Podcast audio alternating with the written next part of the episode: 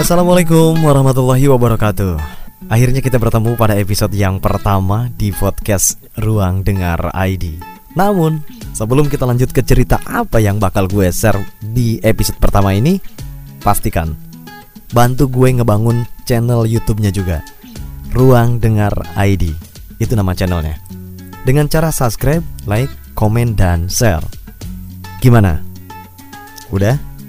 Oke, terima kasih Sobat ID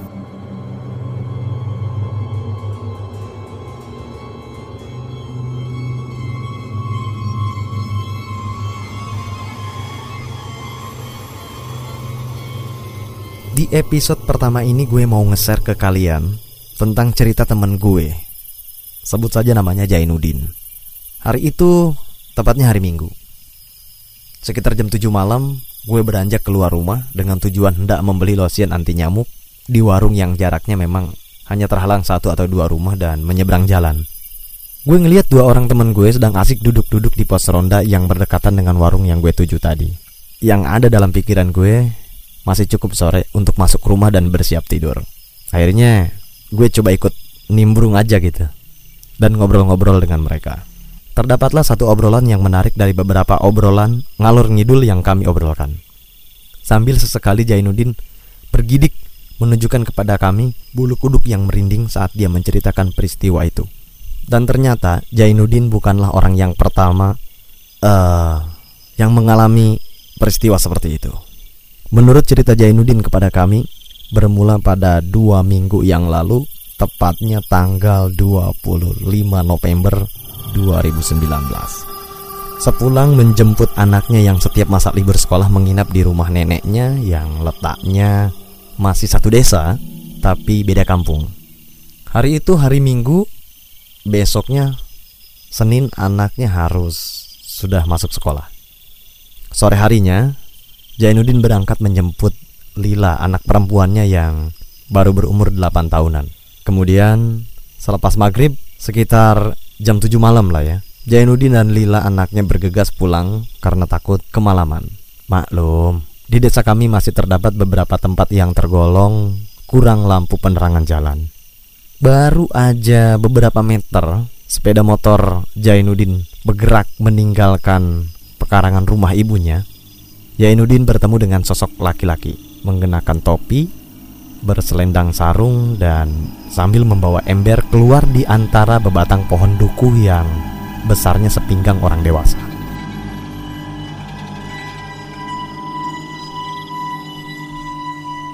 Dengan pencahayaan lampu sepeda motor yang tidaklah begitu terang, ternyata Jainuddin cukup mengenali orang tersebut. Mang Hadi dia adalah teman dari bapaknya Jainuddin yang banyak sekali membantu setiap pekerjaan bapaknya. Apalagi saat bapaknya Jainuddin sedang berada di lapak ayam. Karena bapaknya Jainuddin punya usaha jual ayam peren yang berlapak di ujung kampung di antara bukit batas antar kampung Ci Asem Sari. Jainuddin yang memang kenal dengan Mang Hadi membunyikan klakson. Bahkan dia sempat menyapa Mang Hadi yang lalu melewatinya. Tidak ada respon sama sekali dari Mang Hadi. Ya, dingin aja gitu. Oh, mungkin Mang Hadi tidak begitu mengenal Jainuddin yang kebetulan lewat mengklakson dan menyapanya. Itu yang ada dalam pikiran Jainuddin ketika itu.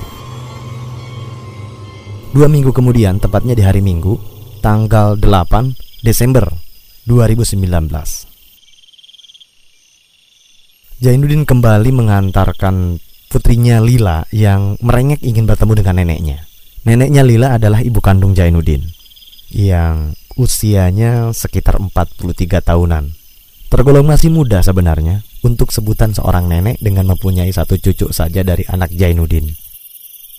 Setibanya di rumah nenek, Lila lantas langsung berlari ke pangkuan neneknya yang saat itu sedang duduk-duduk di lantai teras beralaskan tikar pandan. Bapakmu di lapak, memangnya kamu nggak mampir dulu ke sana?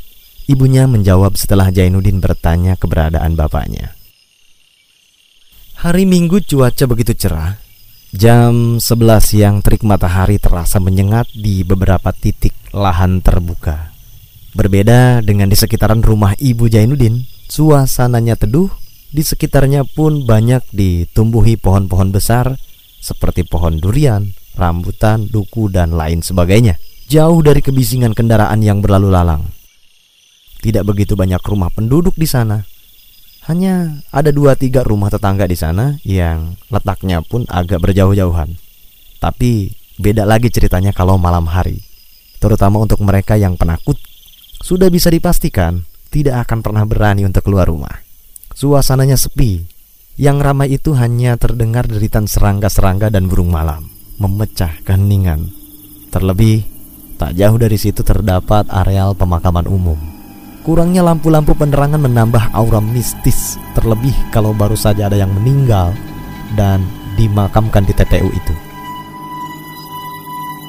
Setelah beberapa saat, neneknya Lila baru saja selesai memasak di dapur dan menyiapkannya di uh, meja makan ruang tengah.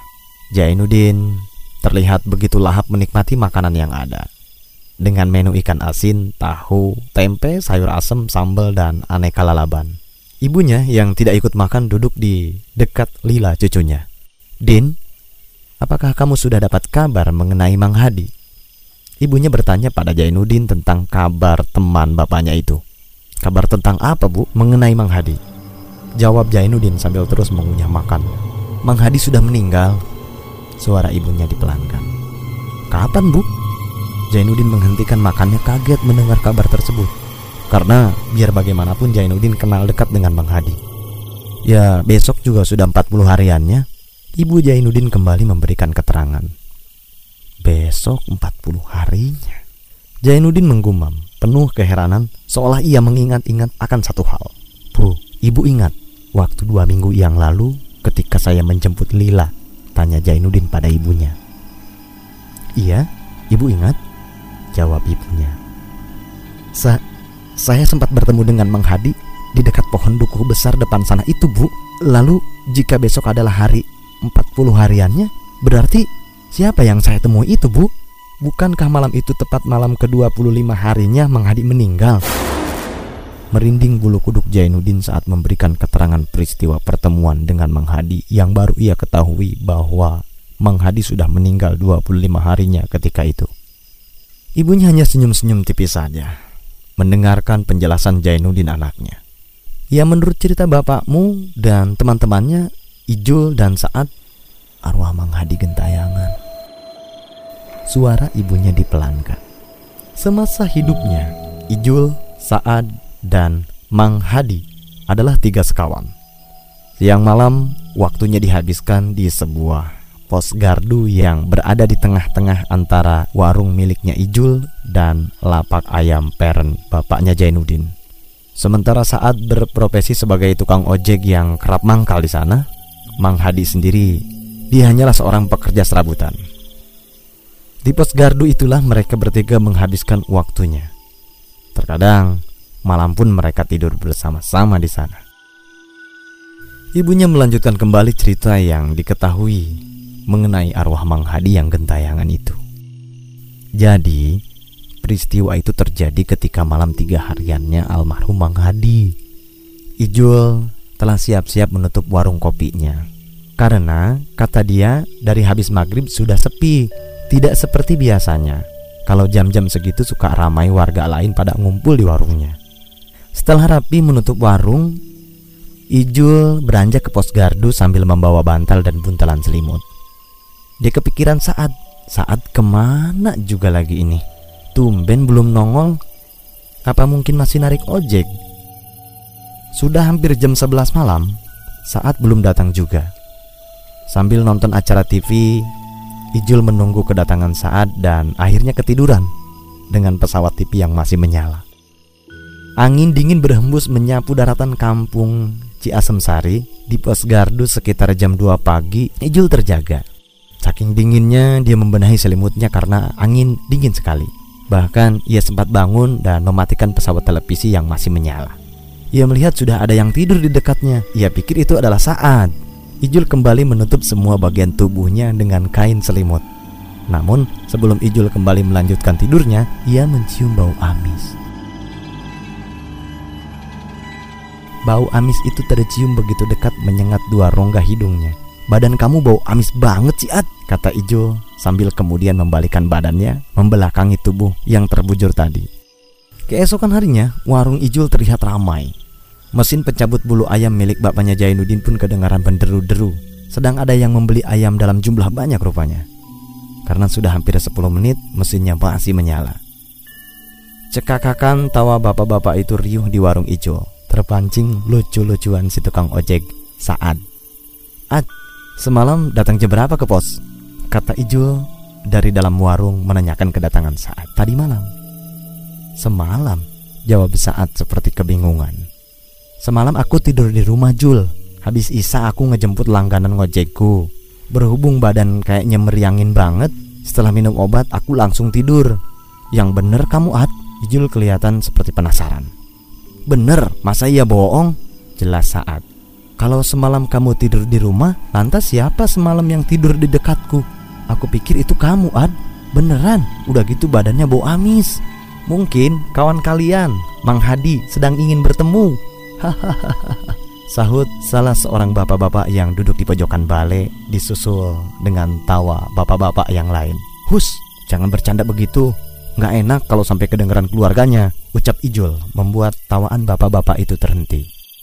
Mungkin jadi pemikiran juga apa yang dikatakan bapak-bapak pagi tadi mengenai arwah Nur Hadi Gentayangan. Karena semenjak kejadian itu, Ijul enggan sekali membuka warungnya di malam hari. Saat pun sudah beberapa hari tidak pernah datang ke warung Ijul. Palingan hanya sesekali lewat membawa penumpang ojeknya sampai di suatu malam saat dapat telepon dari langganannya untuk menjemput di stasiun kereta. Tidak menunggu lama, saat mengeluarkan sepeda motornya yang sebelumnya sudah ia masukkan, lalu tancap gas setelah melewati beberapa hutan kecil dan uh, perbukitan. Sampailah saat di ujung kampung dan melewati warung Ijul, pos gardu, dan pangkalan ayam peren milik bapaknya Jainuddin. Sepi sekali di sana kelihatannya. Ia hanya melihat Ijul yang berdiri menyender di pohon ubi karet dekat pos gardu seperti sedang asik menonton TV. Saat hanya membunyikan klakson karena dia pikir kalaupun dia mampir dulu takutnya ketelatan datang ke stasiun. Apalagi Ijul, kalau sudah ngobrol pasti lama. Sudah hampir tengah malam saat dengan memboncengi penumpang langganannya menggeber gas motornya hingga sampai juga di perbatasan kampung. Sedikit tarikan gas motornya pun dipelankan. Saat merasa heran, dari berangkat menjemput ke stasiun sampai dia balik lagi ngejemput, Ijul masih saja berdiri di situ di pohon ubi karet sambil nonton TV. Padahal sudah hampir satu setengah jam. Keesokan harinya, Ijul nampak sibuk di warungnya. Kebetulan datanglah saat yang kemudian memesan kopi. Waduh, ke mana aja nih Ad? Udah lama banget nggak kemari. Ijul dari dalam warung. Apaan? Semalam gue lewat sini. Sahut saat. Semalam mau gue nutup Ad. Tutup. Saat penasaran. Iya, tutup jam berapa? Saat kembali nanya Jul. Dari jam 5 juga udah tutup. Jawab Ijul. Serius Jul? Iya serius. Ijul pun menegaskan. Semalam Jul, gue berangkat jemput tuh jam 10 Lewat sini Terus lu masih buka dan gue lihat lu lagi nonton TV Ad, untuk sementara ini gue nggak berani buka warung sampai malam Buka pagi, sore juga gue udah tutup Terus pulang, tidur di rumah Semenjak kejadian, gue tidur ada yang nemenin Gue jadi takut Lu juga jarang kemari Ucap Ijul Sembari menjedorkan kopi pesanan saat Udah empat malam ini Gue yang nggak kemari Bibi gue mau hajatan, paling gak akan bantu-bantu dia lah. Saat pun memberikan alasan kenapa beberapa hari ini dia tidak datang ke pos gardu. Tapi bener semalam lu nggak di sini Jul. Semalam pas gue lewat mau jemput, gue ngeliat ada yang berdiri sambil menyender di pohon ubi karet dekat pos gardu. Nah, yang gue heran, sepulang ngejemput pun gue masih lihat dia nyender di sana sambil nonton TV. Gue pikir itu lu Jul.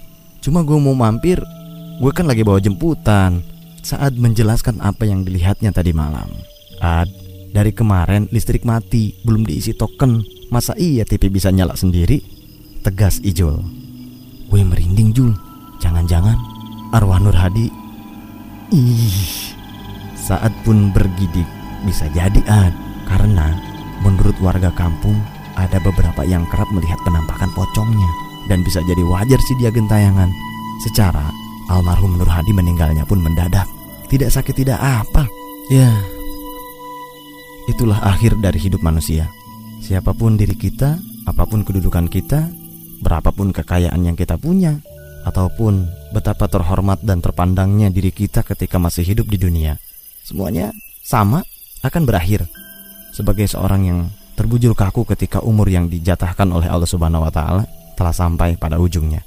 Tidak ada satupun manusia yang akan terbebas dari kematian. Ke mana pun dia bersembunyi, setinggi dan sekuat apa pun tenaga keamanan yang menjaga dirinya, atau bahkan secanggih apa pun teknologi kesehatan yang melindungi sebagai upaya untuk membebaskan diri dari kematian, maka semuanya itu tidak akan ada gunanya. Ketika yang namanya mati telah datang, dia tidak akan bisa dimajukan ataupun dimundurkan untuk barang sedetik pun. Itulah salah satu qadar Allah Subhanahu wa taala kepada makhluknya yang semuanya pasti akan menjumpai kematian. Jadi, apa yang selama ini kita lihat mengenai arwah Nur Hadi adalah hanya sifat sirik jin agar almarhum terfitnah. Biar bagaimanapun, kita sebagai teman baiknya harus senantiasa mendoakan semoga arwah beliau almarhum Nur Hadi dapat ditempatkan di tempat yang layak. Sekian. Wassalamualaikum warahmatullahi wabarakatuh.